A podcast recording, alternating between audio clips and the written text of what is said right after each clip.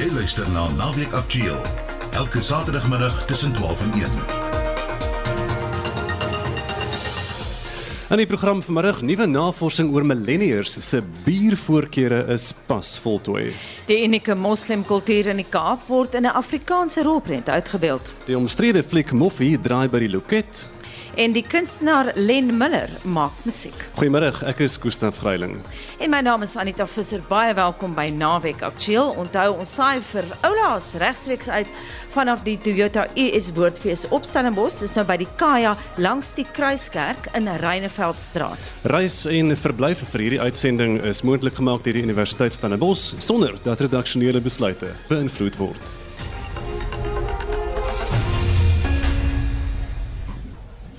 Daar is uh, gevestigde gevalle van die COVID-19 virus aangemeld in 12 van die 54 lande op die Afrika vasteland.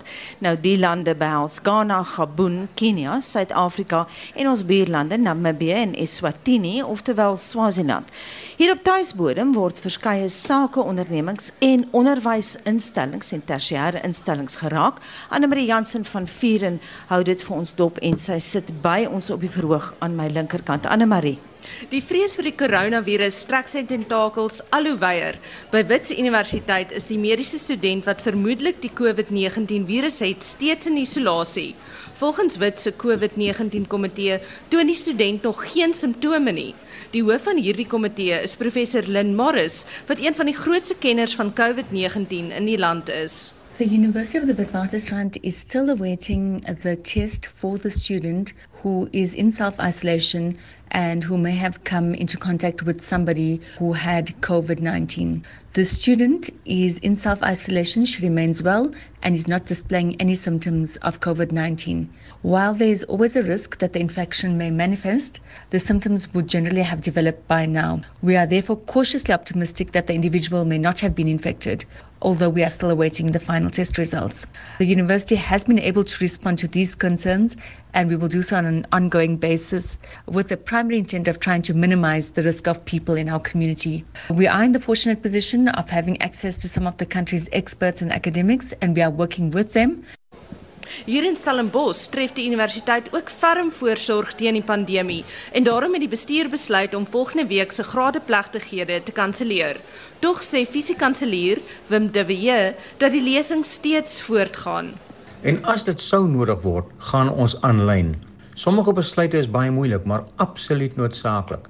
So ons het ons komende gradeplegtighede gekanselleer en die aanhuldiging van ons nuwe kanselier uitgestel alle konferensies wat tot en met 30 Junie 2020 op die US kampusse gehou word, moet ook tot verdere kennisgewing gekanselleer word. Terwyl ons ook 'n embargo tot einde Junie geplaas het op personeel en studente om nasionale en internasionale konferensies by te woon. En ons het ook 'n tydelike verbod op alle internasionale reise na en van die universiteit geplaas. Dit is van kritieke belang dat ons alles doen om die verspreiding van COVID-19 te vermy. Ons gebeurlikheidskomitee monitor dus die situasie noukeurig en ons kampusgesondheidsdiens en ander strukture is gereed om hulp te verleen. Die Universiteit van Kaapstad het ook besluit om die inhuldiging van hulle nuwe kanselier uit te stel. Dit sou maandag plaasgevind het. Dit dan kollega Anne Marie Jansen van Vuren. Baie welkom by Naweek Aktueel en dankie aan almal wat vir ons kom kuier dit vanmiddag. Nou kan julle sien hoe uitsaai plaasvind. Julle kan ook met ons kom gesels hierna as julle wil. Noem hulle millennials of minder bekend in die Volksbond, generasie Y. Die term millennials is vir die eerste keer in 1987 gebruik en verwys na mense wat tussen 1981 en 1996 gebore is. Oor net 5 jaar sal die groep 3 kwart van die wêreld se arbeidsmag uitmaak. En dit alleen verseker dat die samelewing nie hulle invloed kan ignoreer nie. Dr Chris Pens van die departement ondernemingsbestuur aan die US het pas 'n navorsingsprojek voltooi oor die einste millennials, oftewel generasie Y, se biervoorkeure.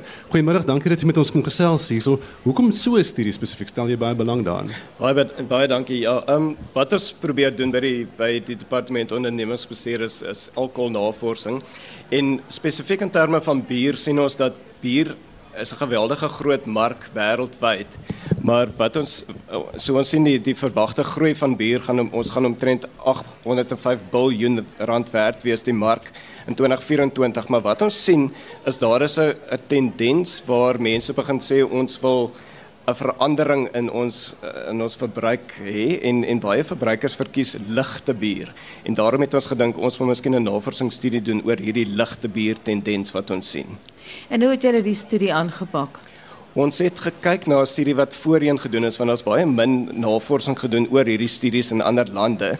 Dit ons 'n studie gedoen wat ge gekry wat in IJsland gedoen is. En nou gaan julle vir my vra hoekom IJsland? Uh IJsland het 'n baie interessante geskiedenis in terme van bier en alkohol. En wat ons daar sien is die die regering beheer die alkoholbedryf. En wat hulle toe sê is die daar is 'n reël wat sê indien alkohol onder 2.25% alkohol per volume het, mag 'n mens dit promoveer en adverteer. As die alkoholinhoud hoër as 2.25 is, dan mag jy dit nie promoveer nie. So toe het hulle navorsing in IJsland gedoen en spesifiek gekyk indien die alkoholinhoud laer is, wat sou die voorkeure van verbruikers wees? En toe het ons besluit hoekom kyk ons nie na generasie Y in Suid-Afrika om te kyk na hierdie nuwe tendens of dit hier ook van toepassing sou wees nie. En wat is van julle belangrikste bevindinge? Goed, wat die wat die bevindinge is as ek miskien oorkoepelend kan sê, is daar's twee redes hoekom mense ligter biere drink. En wat ek miskien net as 'n feit kan noem, is ligte bier kan beteken laer in alkohol, maar ook laer in kalorieë. So dit gaan oor twee aspekte daar.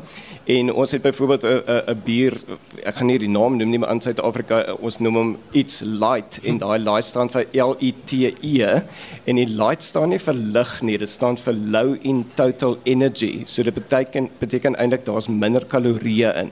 So wat ons vind by generasie Y is hulle wil of laer alkohol drink omdat hulle hulle gesondheid in ag neem, so minder kalorieë, maar ook in terme van welwees. Hulle wil byvoorbeeld sê ons wil die hele nag lank kan uh, alkohol gebruik sonder om die volgende oggend sleg te voel of of ons wil opstaan die volgende oggend en ons wil aangaan met ons lewens.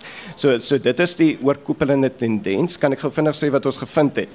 So wat ons gedoen het is ons het 'n um, steekproef geneem van bier uh, gereelde biergebruikers wat as ek dit kan noem gereel 'n uh, um, gewone bier, alkoholiese bier en toe het ons 'n steekproef geneem van van van generasie Y um, uh, millennials wat lae alkohol bier drink en ons het vir hulle 13 eienskappe van bier gegee waaronder byvoorbeeld die smaak, die tipe bier, die alkoholinhoud, kalorieinhoud, verpakking ensovoorts. En toe het ons vir hulle gevra nie net om die die eienskappe te rangeer in volgorde van belangrikheid nie. Ons het 'n studie genoem wat mense noem die best worst studie. Ek gaan nie in te veel detail ingaan nie, maar dit is 'n wetenskaplike tegniek waar mense kyk na kombinasies van eienskappe. En wat ons gevind het is die verbruikers van die gereelde bier die, of die algemene bier en die lae alkohol bier het beide vir ons gesê van al die attribute wat ons getoets het, is smaak vir hulle die heel belangrikste eienskap. Die tipe bier is tweede, die prys van die bier is derde en die handelsmerk is die vierde belangrikste eienskap. Interessant wat die prys wat derde is, veral as mens kyk na studente, maar in terme van verpakking Hoe belangrik is dit?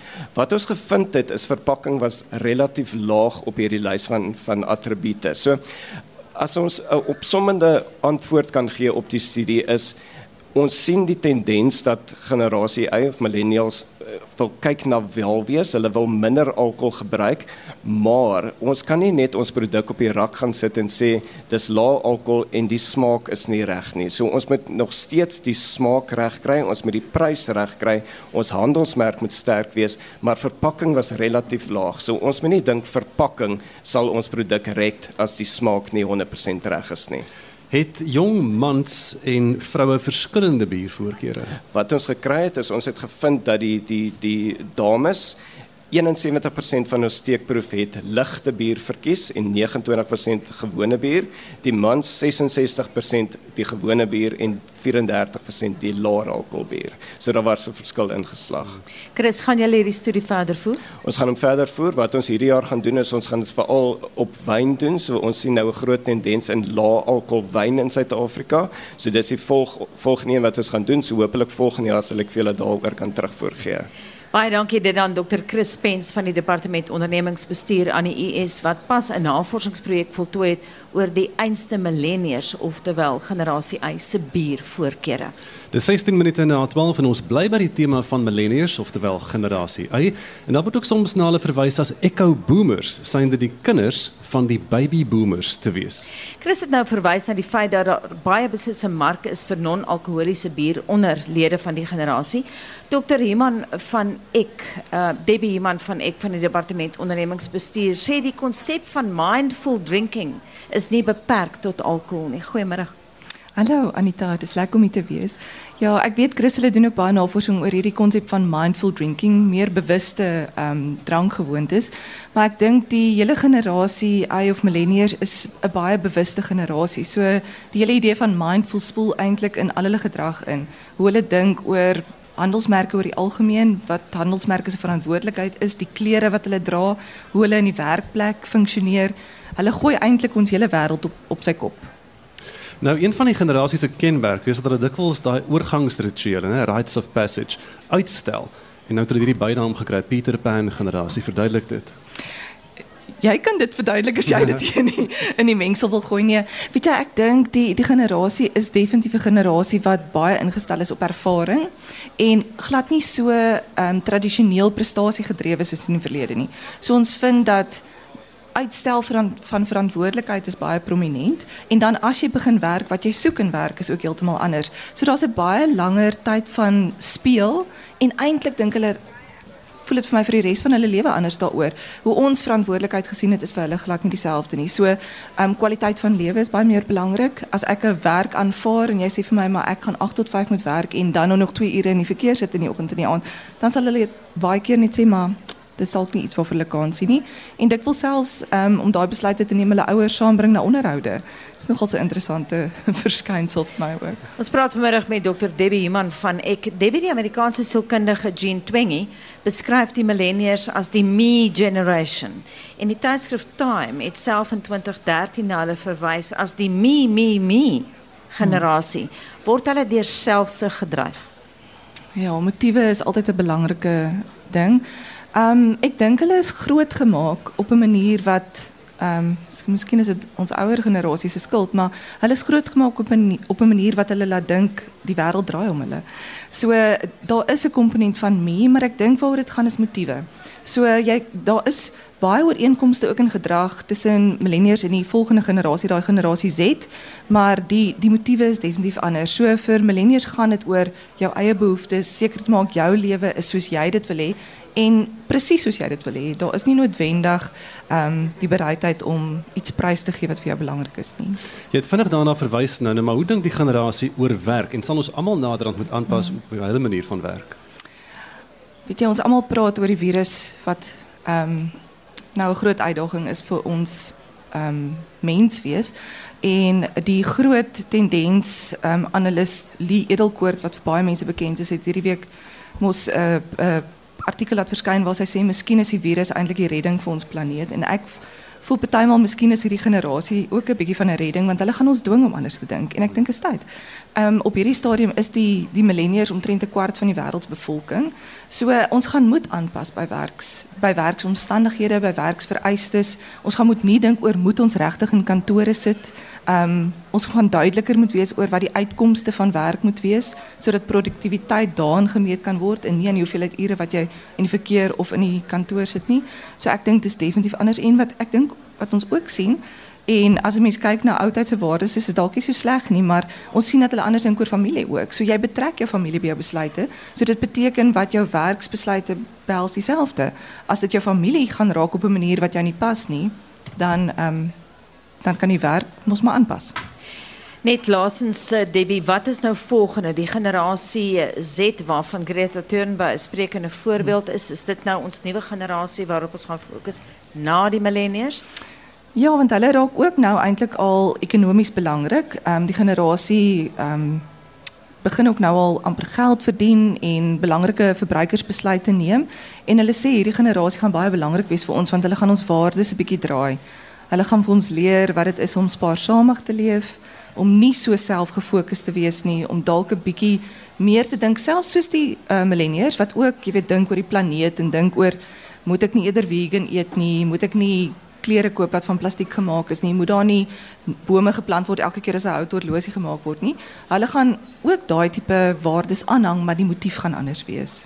Baie dankie dit aan Dr Debbie Man van Ek van die Departement Ondernemingsbestuur aan die Universiteit Stellenbosch. Baie dankie. En ons is net hierna terug met Naweek Aktueel. Dis 23 minute na 12. Jy luister na Naweek Aktueel en sportnuus is dat die koronavirus se impak op die sportwêreld aanhou om in rasse skrede toe te neem.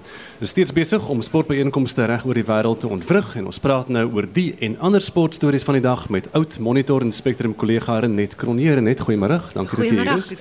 Die rugby beheerliggaam Sansa het vroeër vandag gesê dat die Super Rugby kompetisie tans in heroorweging is. Dis reg so Gustaf. Ek dink wêreldsport is tans in ietwat van 'n donker plek en mense hart bloei vir diegene wat tans nie 'n inkomste uit uit sport uit kan geniet nie weens die kansellasie van sportbeeenkomste om nou nie te praat van sportlei wat maande geoefen het en voorberei vir 'n spesifieke sportbeeenkoms nie. Die uh, suidelike halfrond rugbylande se beheerliggaam SANZAR wat Suid-Afrika, Australië en Nieu-Seeland verteenwoordig, het nou die besluit geneem nadat die Nieu-Seelandse regering vandag besluit het om strenger perke op sy grense te plaas. En dan vanaf môre aand moet alle reisigers wat Nieu-Seeland besoek, moet hulle binne 14 dae onder self-kwarantyne geplaas word wat dit dat die super rugby spanne nie na Nieu-Seeland kan reis nie en dit het dan nou 'n impak op uh, die Lions se wedstryd volgende week teen die Highlanders en dan Eden en Nieu-Seeland se cricketreeks teen Australië waarvan die eerste eendag wedstryd gister plaasgevind het is natuurlik ook afgelas en dan ook die beplande T20 reeks daarna. So die lys van sportbeeenkomste raak alle lank. Ek dink mense kan eintlik nie meer praat oor wat afgestel word nie. Jy moet maar eerder gesels oor dit wat wel nog plaasvind waarvan daar nie weer so baie oor is nie. Maar 'n paar super rugby wedstryde het wel vroeër plaasgevind. Ja, dit is die geval. Ek dink as daar rugby ondersteuners is wat 'n opnemer het by die huis met hulle hierdie naweek rugby wedstryde opneem wat hulle oor en oor gaan moet kyk in die week om te kom, want die die sport raak al minder op die kassie. Uh, die super rugby uh, kompetisie trek reeds by ronde 7, maar dit lyk asof die kompetisies daar dan nou ook moontlik getel is. Die Leeuse rampspoedige toer in Australië duur voort. Hulle het ver oggend met 43-10 vasgeval en hulle het 'n allemintige 6-3 afgestaan hoewel hulle in die eerste kwart van die wedstryd oorheers het. In 'n ander wedstryd wat vandag plaasgevind het, het die Crusaders die Sunwolves met 49-14 getroof nadat hulle rustyd naalskraap met 14-7 voor was. Die Crusaders moes natuurlik na by die einde van die kragmeting met 13 spelers klaarkom nadat twee spelers 'n rooi kaart en 'n geel kaart ontvang het. En dan vanmiddag kan plaaslike rugbyondersteuners uitsien na 'n plaaslike derby tussen die Stormers en die Sharks en dit vind plaas op Kings Park in Durban. En uh, die Stormers het verlede week 'n loslootjie gehad en hulle is nou word nou as die buiteperd beskou vir die wedstryd aangesien hulle 'n week van tevore teen die Blues vasgeval het. En die Haie is tans dan nou ook bo aan die punteleer en die Stormers is 3 punte agter hulle in die tweede plek. Nou 'n groot terugslag vir Suid-Afrika en die Wes-Kaap waar ons nou is, is die kansellasie van die Absa Cape Epic bergfietswedstryd. Ja, ek moet sê ek was ook nogal vanoggend geskok deur die nuusgebreke dat die die Absa Cape Epic afgelas is, want ek het gisteraand nog gesien dat 'n woordvoerder gesê het dat dit wel gaan plaasvind, dat dit sal voortgaan ongeag die die kommer oor die koronavirus. Maar die Wes-Kaapse regering het uh blykbaar gisteraand die organisasie aangeraai om die byeenkoms eerder te kanselleer. En uh, gister was daar reeds van die topspanne wat aanspraakmakers was op titels in die vroue en mans afdelings wat aan die ren begin onttrek het. So ek dink in aggenome die feit dat van die topname nie meer bereid was om deel te neem nie en dan nou ook in kombinasie met die Wes-Kaapse regering se besluit uh, was die organisateurs toe nou maar genoodsaak om dit te kanselleer. Renet, baie dankie die vryskut joernalis Renet Kronje. Met ons woordfees uitsendings hierdie week het ons veral gefokus op die kunste, maar onder toenemende ekonomiese druk is die einste kunste dikwels die eerste luukse waarop mense terugsny. Wat dan gemaak is dat jou brood en botter is en vir my hier oor praat ons met Len Miller. Hy's 'n musikant maar ook 'n agent vir verskeie kunstenaars Len. Dankie dat jy hier by ons is vanmiddag. Wat is die verskil tussen 'n agent en 'n bestuurder in die musiekbedryf? Ek kan maar praat namens myself. Ek het nou ervaring in in beide die afgelope 5 jaar en dis maar nog beperk. Nog baie om te leer, maar wat ek optel is 'n agent kyk na korttermyn vertonings wat gebeur en dinge wat gebeur dalk 'n jaar vooruit beplan. Maar 'n bestuurder kyk na jou loopbaan en kyk waar jy moet opeindig oor 10 jaar en ek dink dis die groot verskille tussen die twee. Die agent werk baie harder want die bestuurder skree op hom of haar. so ek het baie lank vir 'n bestuurder gewerk wat um, onder andere gewerk het met Prime Circle en um, Elvis Blue en Matthew Mole. So ek het baie by hom geleer. Hy was eintlik uiteraard vir my 'n mentor gewees vir so 5 jaar en tot ek hierdie jaar weggebreek het en my eie onafhanklike agentskap gestig het.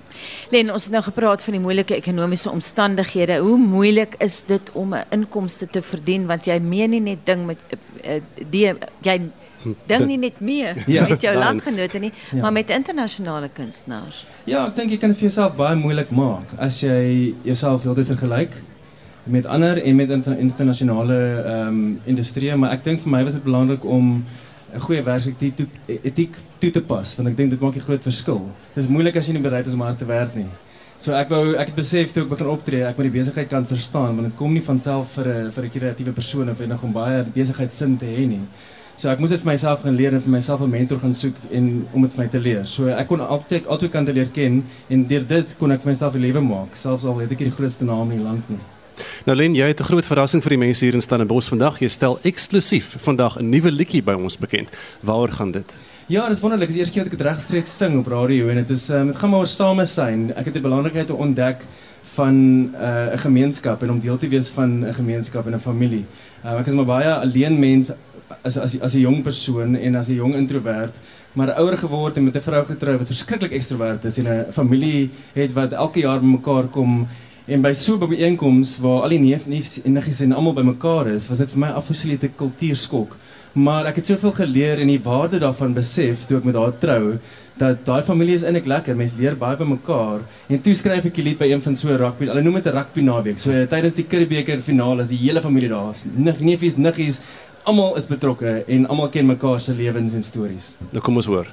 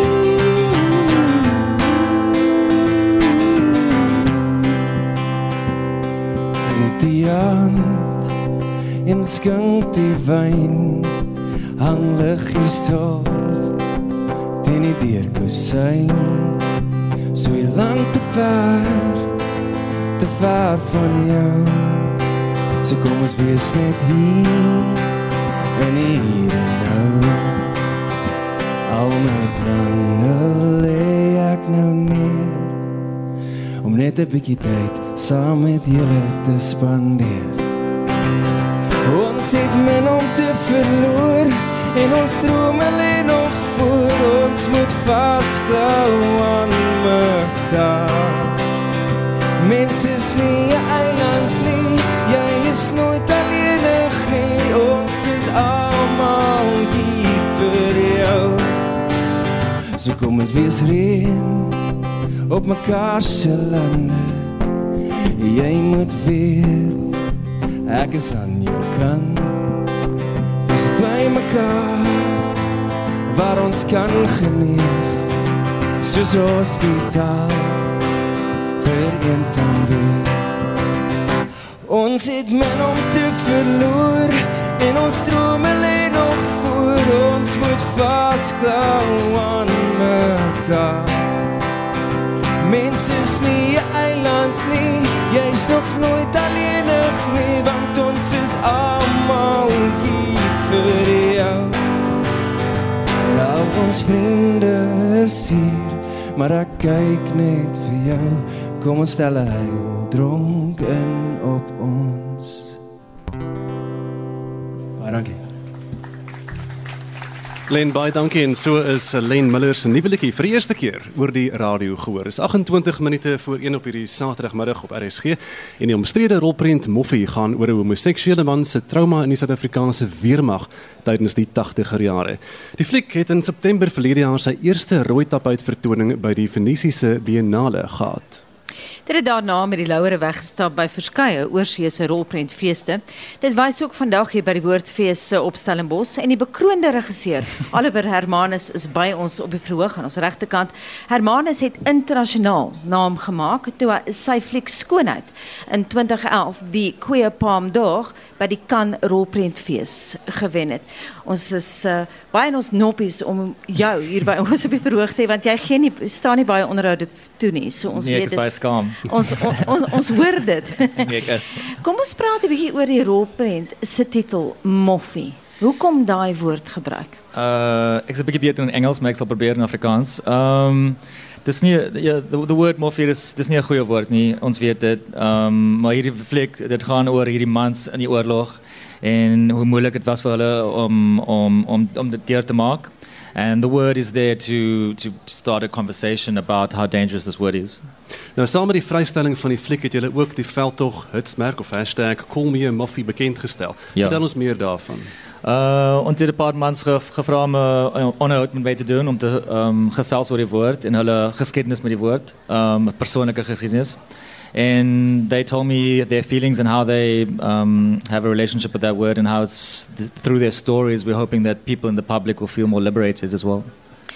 Die rolprent is op 'n autobiografiese roman gegrond. Nou hoe getrou is dit aan die boek en hoe na het jy saam met die oorspronklike skrywer gewerk om dit te verwesenlik? Uh, hulle is baie verskillend. Die die film en die boek is baie verskillend. Uh, ons het 3 jaar gevat om om die, om die um to write the, the film. And uh, the writer gave us the rights and once we took the rights we kind of ran we ran far away. Hoekom het julle weer 'n rolprent oor gay wees in die Suid-Afrikaanse weermag gemaak nou so kort na die vorige ene, Christian Olwagen se Kanarie? Hulle is baie verskillend ook. Ja. Uh, ek dink Canary is baie lig, uh, miskien en Morphe uh, it's mm, it's more intense. I think Morphe is uh, very much a war film uh, in a, in a very visual way. So ja. En hoe verwag jy die Suid-Afrikaanse teikengehoor gaan op die fliek reageer? Ons weet nie, maar uh, as of last night, Morphe is doing incredibly well at the box office, so we're very excited for how the opening weekend goes. Is daar darm snaakse oomblikke ook daarin? Uh, een of twee. Baie dankie dat jy met ons kom gesels het. Die skaam, maar nie so skaam vandag nie. Nee. Oliver Hermanus, regisseur van die rolprent Moffie. Baie dankie. Baie baie dankie. Barakat is die eerste Afrikaanse fliek wat die moslimkultuur in die Kaap uitbeeld en heeltemal in Afrikaans in steen Afrikaaps liewer in steede van Afrikaans verfilm is. Dit sal na verwagting in Desember hierdie jaar vrygestel word. Nou die vervaardiger Ephraim Gordon is hier op die RSG Woordfees verhoog en hy is die medeskrywer en vervaardiger van Barakat. Buiten sy werk aan die rolprent is hy ook besig met All Who Pass, 'n verhoogstuk wat by die Woordfees op die planke was. Goeiemôre, dankie dat jy met ons kom gesels hier. So vertel ons van die Barakat se storie. Waar kom hierdie konsep vandaan? Um wel min ek het groot geraak met Christmas movies. En ek het altyd gewonder hoe dit sal wees as die Kaapse Muslim community ook 'n movie het wat hulle geloof celebration kan celebrate en dan ek en Amy het by mekaar gekom, my business partner en ons gesê hoekom maak ons nie 'n Labarang movie nie? You know, ons het groot geraak met Labarang, ons het groot geraak met die celebration van Islam en ons het gedink dat dit dieselfde um space nodig het as enige ander Christen celebration. Ephraim, waar is die rolprent verfilm? Sal kykers bekende landmerke herken? Wel, als je op die Cape Flats rondloopt, zal ze bij je bekende landmerken herkennen. Um, die movie is van deel, gedeeltelijk van die movie is geschiet in St. Athens Street Mosque, wat uh, een van die meest bekendste uh, masjids is in die Kaap. Um, particularly voor die rol wat die masjid gespeeld het in die 80s uh, gedurende die state of emergency. Tegnies gesproke en prakties gesproke, was dit nie moeilik om op die Cape Flats te skiet nie. Nee, ek is van ons is ons is maar van as was skiet by die huis is nie so moeilik. ek is van die Parel, but you know die die die gemeenskappe van die Cape Flats is maar baie dieselfde waar ek groot geraak het. Amy is van die Cape Flats. So as ons skiet op die Cape Flats, is ons, ons skiet maar by die huis. Soos, soos iemand wat in Constantia groot geword het en hy skiet. Hoe het julle te werk gegaan om daardie unieke Kaapse tradisies soos Labarang uit te beeld? I mean die Kaapse Muslim community is amper so oud soos die Kaap homself, you know. So uh, of die Kaapse is om nou ken. So om La Barang te represent op TV is maar net om af van die pad te gaan en vir Titi te gaan vra kykie, hoe celebrate julle La Barang? I mean, as 'n colored community groot word in die Kaap, die chances is dat deur jou bloedlyn Christ, Christians and Muslims they live in the same home, they share the same bloodline, you know, they eat out of the same pot. So as jy noodwendig 'n quest wat ons opgegaan het om you know die die kulturele jewels van die van die community te gaan ontdek om readers as as as rondom ons. Ons bly aan ons ons interact daagliks aan maar ons het mense um opgebring net om vir ons you know seker te maak ons het die regte kulturele notas. Mense soos Abdurrahman Adams wat 'n gesoute akteur en storieverteller is in die Afrikaanse um bedryf maar wat ook moslim is. Um so ons het insette gekry van baie mense van die gemeenskap wat ook in die industrie is. So julle die eerste reël van film maak gevoel. Vertel jou eie storie, dit wat jy ken. Awe, en ek dink daai vir ons is die belangrikste ding is om stories uit te beeld van mense van waarvandaan af ons kom. Um en om daai stories justice te doen en om ons die karakters van van my geskiedenis, van my lewe om vir hulle integriteit te gee. So daai is maar wat ons doen en sy kan dit doen met die storie wat sy ken. Hoe dink jy gaan gehoor dit ontvang? Gaan almal kan kyk en gelukkig wees daarmee. Op 'n van die dag is 'n Afrikaans sprekende movie. I mean die moslim gemeenskap largely is 'n Afrikaans sprekende gemeenskap. So ek hoop Afrikaans sprekendes van alle vanuit alle oorde gaan die movie geniet want is 'n movie oor familie. As jy 'n movie oor Islam, is 'n movie oor familie en maak jy saak wat die religions het. Jy maak jy saak wat jou kultuur het. Die, ons almal hunker na family. En vir daai rede hoop ek Suid-Afrikaners gaan dit enjoy. Um ons praat oor alledaagse dinge. The people in the movie so happy net om moslim te wees. Baie dankie en soos Ephraim Gordon die vervaardiger van die rolprent Barakat. Thank you for having me. Dis 21 minute voor 1 op hierdie Saterdagmiddag by die Woordfees in Stellenbosch. Nou RSG se nuusaktualiteitsspan het hierdie week ons programme hier by die Toyota US Woordfees uitgesaai. Behalwe die nuus was daar ook drama-produksies, konserte en verskeie boekgesprekke en ons praat nou weer met die feesdirekteur Saartjie Botha. Saartjie, goeiemôre. Goeiemôre. Dankie dat jy hier is in die algemeen. Hoe voel jy oor die verloop van verjaarsfees? Al mens is maar altyd gespanne want daar kan duisende goed verkeerd loop. Ons het 'n bietjie kragprobleme gehad. Ehm um, meer as wat ons ver, verwag het, maar andersins is ek regtig baie tevrede en ek is baie dankbaar dat dit reg goed gegaan het met ons. Dankie aan Kuiberg se pomp vir daardie vir daardie kragprobleme. Ja, maar ja, die die die ding is ons doen in elk geval die meeste van die fees van kragopwekkers af, maar die dorp kry swaar as daar nie krag is nie. Die res van die dorp moet aanhou funksioneer. Is daar enige aanduiding oor hoeveel kaartjies julle nou vir jaar verkoop het? Ons weet nog nie presies nie, maar ons weet ons het die meeste kaartjies nog ooit verkoop. Wat vir ons wonderlik is, want dit weer is baie strawwe ekonomiese toestande en ons is ongelooflik dankbaar aan feesgangers wat die fees ondersteun op die manier wat hulle doen. Nou julle het ook vir jaar dansproduksies aangebied. Hoe het die feesgangers gereageer daarop? Uitstekend. Ons het uh, ons gemiddelde besetting is amper 73% vir vir die eerste keer vir die eerste afdeling op die vir die eerste keer om so 'n afdeling op die fees aan te bied. Is dit wonderlik. Ons gaan dit beslis volgende jaar terugbring en 'n verder bietjie uitbrei. Wat is vir jou 'n persoonlike hoogtepunt as feesdirekteur van verjaarsfees? Ek dink die erns waarmee feesgangers en kunstenaars optree. Ons het voor die tyd besef dat daar 'n geweldige groot emosionele belegging van kunstenaars is in die werk wat hulle kom aanbied. Dit gaan swaar in die kunstebedryf en hierdie is 'n platform waar mense 'n merk kan maak en mense het regtig diep gedelf en hard gewerk. En ek is geweldig geweldig beïndruk met hoe feesgangers konfronterende en moeilike temas veral op ons toneelverhoë ervaar het en en er, daarop gereageer het. Nou die fees duur nog tot môre. Waarna kan mense nog uitsien hierdie res van vandag en môre?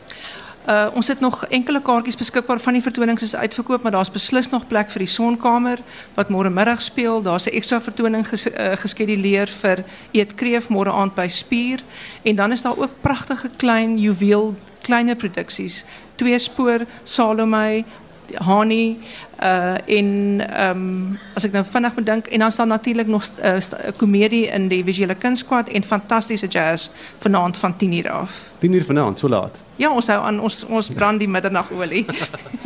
het jy al klaar gedink aan 'n paar gedagtes vir volgende jaar se fees, dinge wat jy dan uh, wil nie doen? Ons het baie ons is mense is regtig feesgangers is welkom vir ons terugvoer te gee. Ons het 'n bepaalde perspektief op die fees en dis nie noodwendig die die die enigste perspektief nie. So ons is regtig oop vir enige klagtes en komplimente.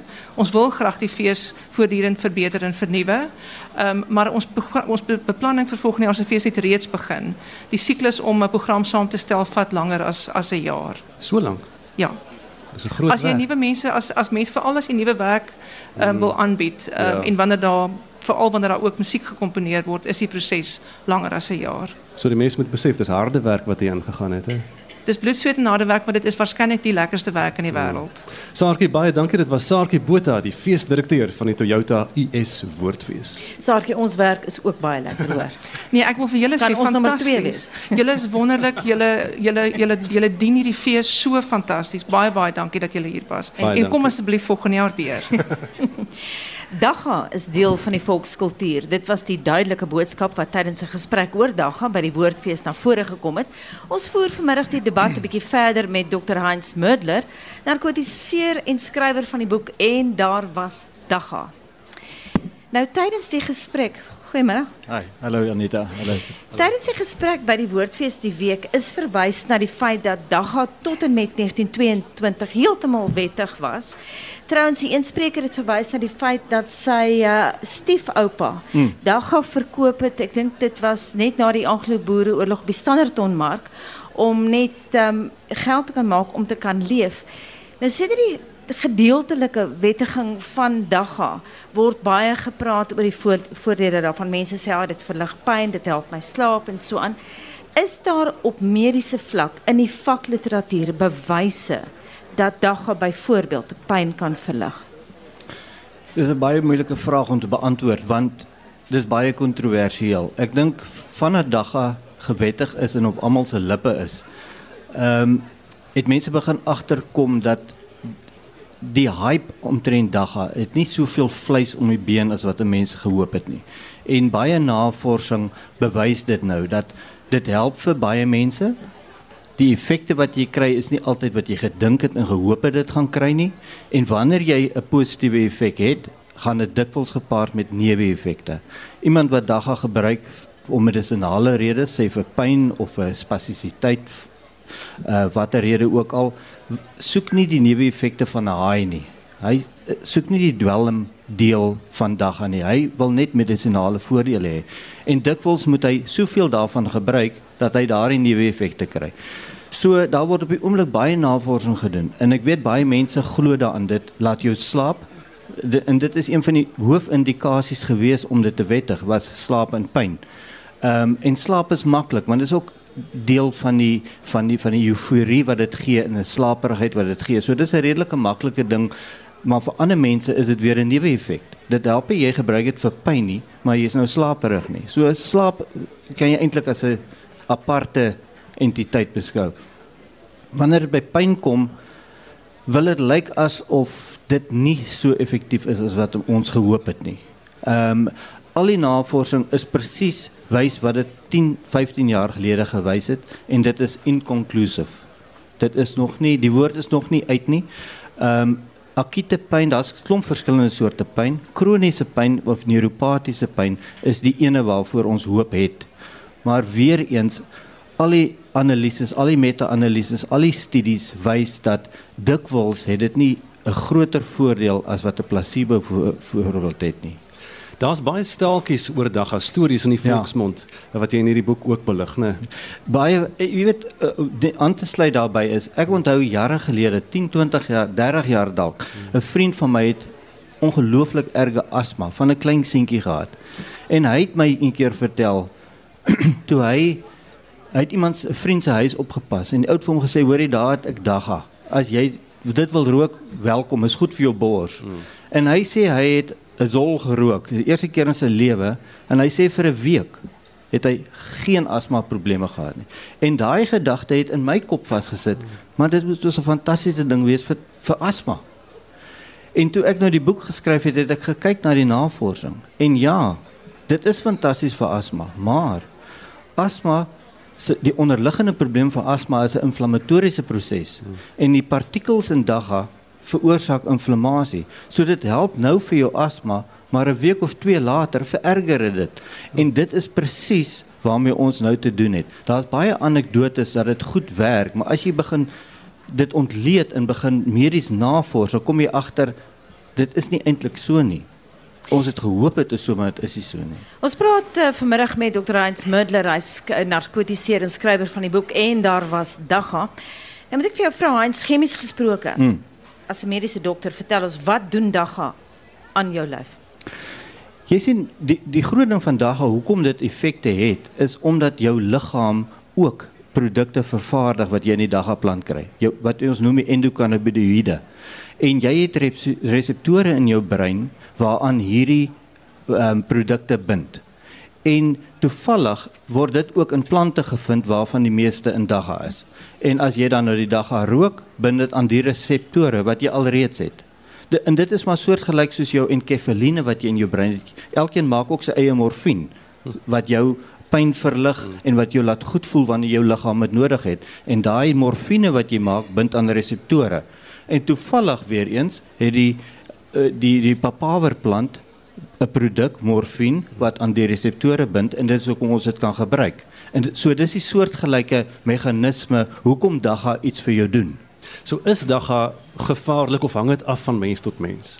Dagga per se is nie gevaarlik nie. Van al die dwelmmiddels is dit feitelik die enigste dwelmmiddels waaraan niemand al ooit gesterf het nie. Niemand het al gesterf aan 'n oordosis dagga nie. Dit bestaan nie.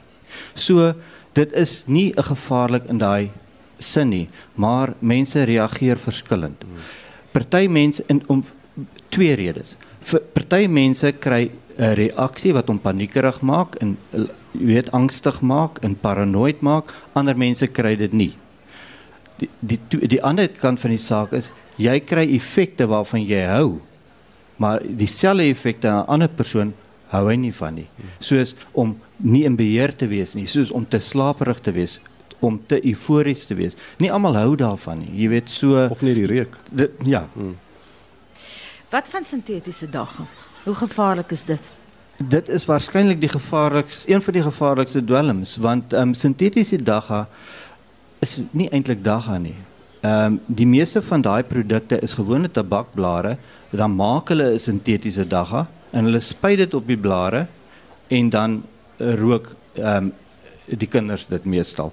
Ehm um, en hoekom dit so gevaarlik is is eerstens dit is partykeer 'n paar honderd maal meer potent as gewone dagga wat in die plant.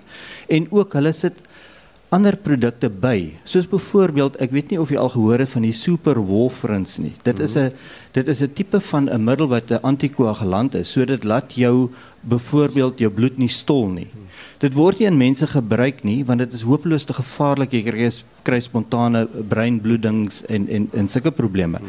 nou van hierdie vervaardigers sit van daai superwolfrins in die sintetiese dagga. Dit beteken wanneer jy dit inneem word jou dagga nie so vinnig gemetaboliseer deur jou lewer nie want dit gaan vir die superwolfrin. So jou haai bly langer. Maar minwaal sit jy met daai risiko van verhoogde bloedings en dit gebeur. Nou op die pakkie staan dis nie vir menslike gebruik nie. So almal is gevrywaar, is heeltemal veilig want jy kan niemand aanvat en sê maar hoor jy hulle vervaardig hierdie gevaarlike dinge want daar staan nie vir menslike gebruik nie, net vir plante. Maar almal weet waarvoor dit is. So jy weet daar's daar's geen etiek daaraan verbonde nie. So van sintetiese dagga bly weg. En die probleem daarmee is dit word nie in die urine toetse opgevang het. So baie baie jong mense wat ons nou oortree het en uitgevang is, word nou getoets. Mm. Laat hulle nie meer dagga rook nie. So hulle kan dit gebruik. Maar dit jou urine toets negatief. Geef hulle raad daar so 'n bietjie. ja. Jy verwys in jou boek na die gevare wat dagga inhou vir tieners dan nou veral. Die feit dat ja. hulle breine byvoorbeeld dagga anders ja. verwerk as wat volwasse breine doen. Ja. Ehm um, die onvolwasse brein is nog besig um, om uh om eenvoudig te verduidelik is as jy jonk is en jou brein is nog nie volwasse nie, het jy 'n uh, oormatige hoeveelheid neurone en sinapse in jou uh, wat in case daar iets gebeur met jou. Sê maar jy kry hoofbesering of jy kry 'n infeksie. Um, dan kan 'n deel van die brein probeer oorneem om daai funksie te herwin. Ehm um, en dan teen die tyd wanneer jy puberteit bereik, dan kom jou brein agter maar hierdie is alles oor matig. Ek het dit nie nodig nie, ek het dit nooit gebruik nie en dan begin jy daarvan ontslaa raak deur 'n snoeiproses wat hulle noem die synaptic pruning. Dan raak jy ontslaa van dit. Dit beteken as jy volwasse is en jy kry hierdie toestande, dan is dit baie moeilik vir jou om jou funksie te herwin, soos ons weet na beroertes en en en breinbeserings en goeters. Nou tydens hierdie besnoeiing van die oormatige uh, neurone in jou brein speel die cannabinoïde 'n rol. Dit is hoekom jy dit deels in jou brein het en hoekom jy reseptore het. As jy eksogene cannabinoïde neem soos wat jy nou dagga rook terwyl jy nog te jonk is, dan interfereer dit met hierdie proses en dan stel jy jou brein bloot aan hierdie gevare en sielkundige en psigiatriese gevare soos psigoses en skizofrenie. Ehm um, en daai probleme kan eintlik vir jou wanneer jy volwasse is permanente skade wees. Want kyk in volwassenes is dae uh, redelik veilig. Al die effekte wat jy het is onkeerbaar. As jy kognitief ingekort is en jy is heeltyd slaperig om jy heeltyd dagga rook en jy jy weet jy kan nie jou werk doen en jy is nie gemotiveerd nie en jy hou op. Na 'n maand is dit reg en jy gaan weer aan. Maar nie in die kinders nie want hulle het te vroeg begin om dagga te gebruik. Hans net kortliks, wat dink jy van die wetgewing? Ek dink die wetgewing is nodig. Ehm um, ek dink soos enige ander wetgewing ook nodig was dat ehm um, uh jy weet dat dat homoseksuele kan trou of dat vrouens kan langbroeke kerk toe dra. Ehm um, ek dink dit is nodig. Ons kan elkeen vir onsself besluit en um, as vir baie mense is 'n is 'n zol die enigste plesier in sy lewe. Hy kan niks anders bekostig nie. So hoekom sal 'n ou hom nou diskrimineer? Maar Ek weet net nie hoe die wetgewing die kinders gaan beskerm nie. Dit beteken die ouers moet na hulle kinders kyk. Nou is dit weer terug op die tafel by die huis. Dis nie die juffrou en die predikant nie, dis jy wat vir jou kinders moet vertel vandag. Soos jy hulle moet vertel van kondome en seks en ander dwelms. Is dit jou plig om hulle in te lig? So die verantwoordelikheid is terug na en ek dink dit is hmm. ook 'n goeie ding. Wat is die belangrikste boodskap dan oor dagga wat jy vandag met ons luisteraars wil deel? Die belangrikste boodskap is hou dit weg van jong kinders. Doen jou bes om te te verseker dat jou jong kind nie dagga begin gebruik nie, want dit gaan tot probleme lei. En die as die navorsing wat gedoen is, wys dat kinders begin nou eers dagga gebruik, dan begin hulle sigarette rook en alkohol gebruik. In ons dae was dit andersom. Jy het dis dis drink en rook. Hmm. Niemand het eers aan dagga gedink nie. Deesdae is dit anders. Hans het 'n vinnige laaste vraag. Ons het ook gepraat tydens jou boek uh, bekendstelling hmm. oor die slippery slope na ja. ander dwelms toe. Ja. En jy het toe gesê maar dagga is nie noodwendig die pad soontoe ja. nie, want ja. dagga self ja. sal nie maak dat jy uiteindelik heroïne gebruik nie. Nee, dit, dit gaan oor die verbruiker. Dit gaan oor die verbruiker. Dit gaan oor die mark. Dit gaan oor waar jy dit koop die ou wat vir jou in dagga verkoop is 'n handelaar en hy het waarskynlik ander middels ook. Hmm. En dit is waar die gevaar is. Jy as as as jy dit er, by 'n gerespekteerde ou kry en jy jy, jy het nie groepsdruk van vriende wat sterker goeders wil gebruik of wat dit ook gebruik en vir jou sê maar hoor hierso probeer dit vir 'n slag nie.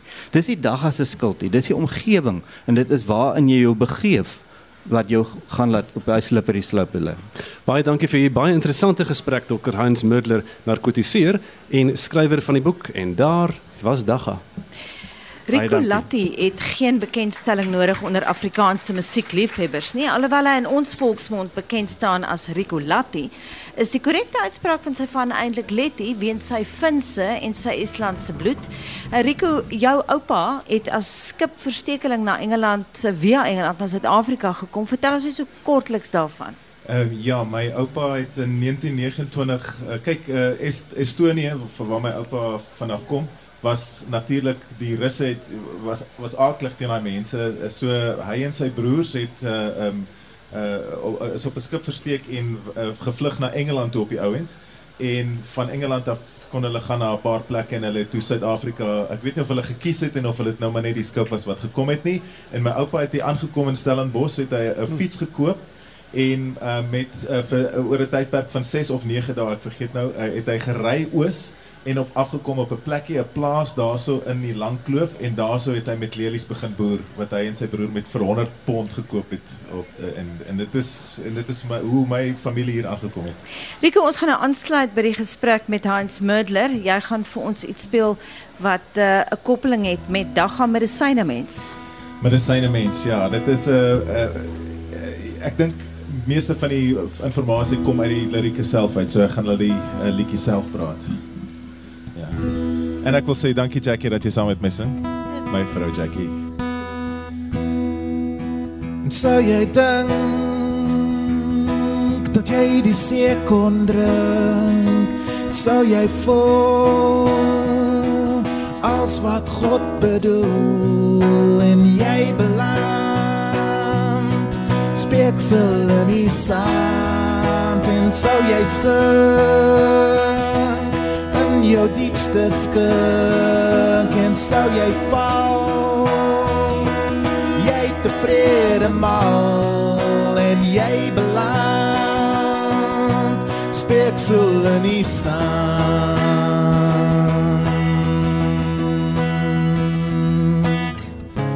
Wys my die weg van hier na oomblik beter. Kortste pad om te vat na onmiddellik satisfaksie in jy die siel.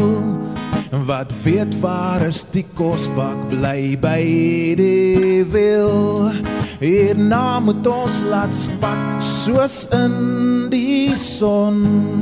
Soos 'n wille oomblik gryp jy stil. En stil jou laaste gil. Sou jy dink dat jy die see kon drink en sou jy voel als wat God bedoel en jy beland speeksel in die sand en sou jy sink in jou diepste skink en sou jy val. Jy tevrede mal en jy beland speeksel in die sand medisyne mens medisyne spens wat deur jou are vloei wat vlek as jy moet bloei. Medisyne mens medisyne spens wat deur jou are vloei wat vlak as jy moet bloei medisyne mens medisyne spens.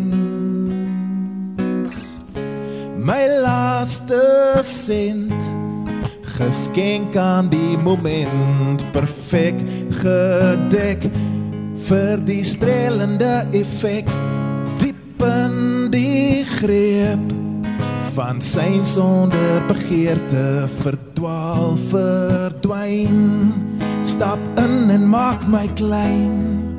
Sou jy dink dat jy die see kon drink en sou jy voel als wat God bedoel? En jy beland speeksel in die sand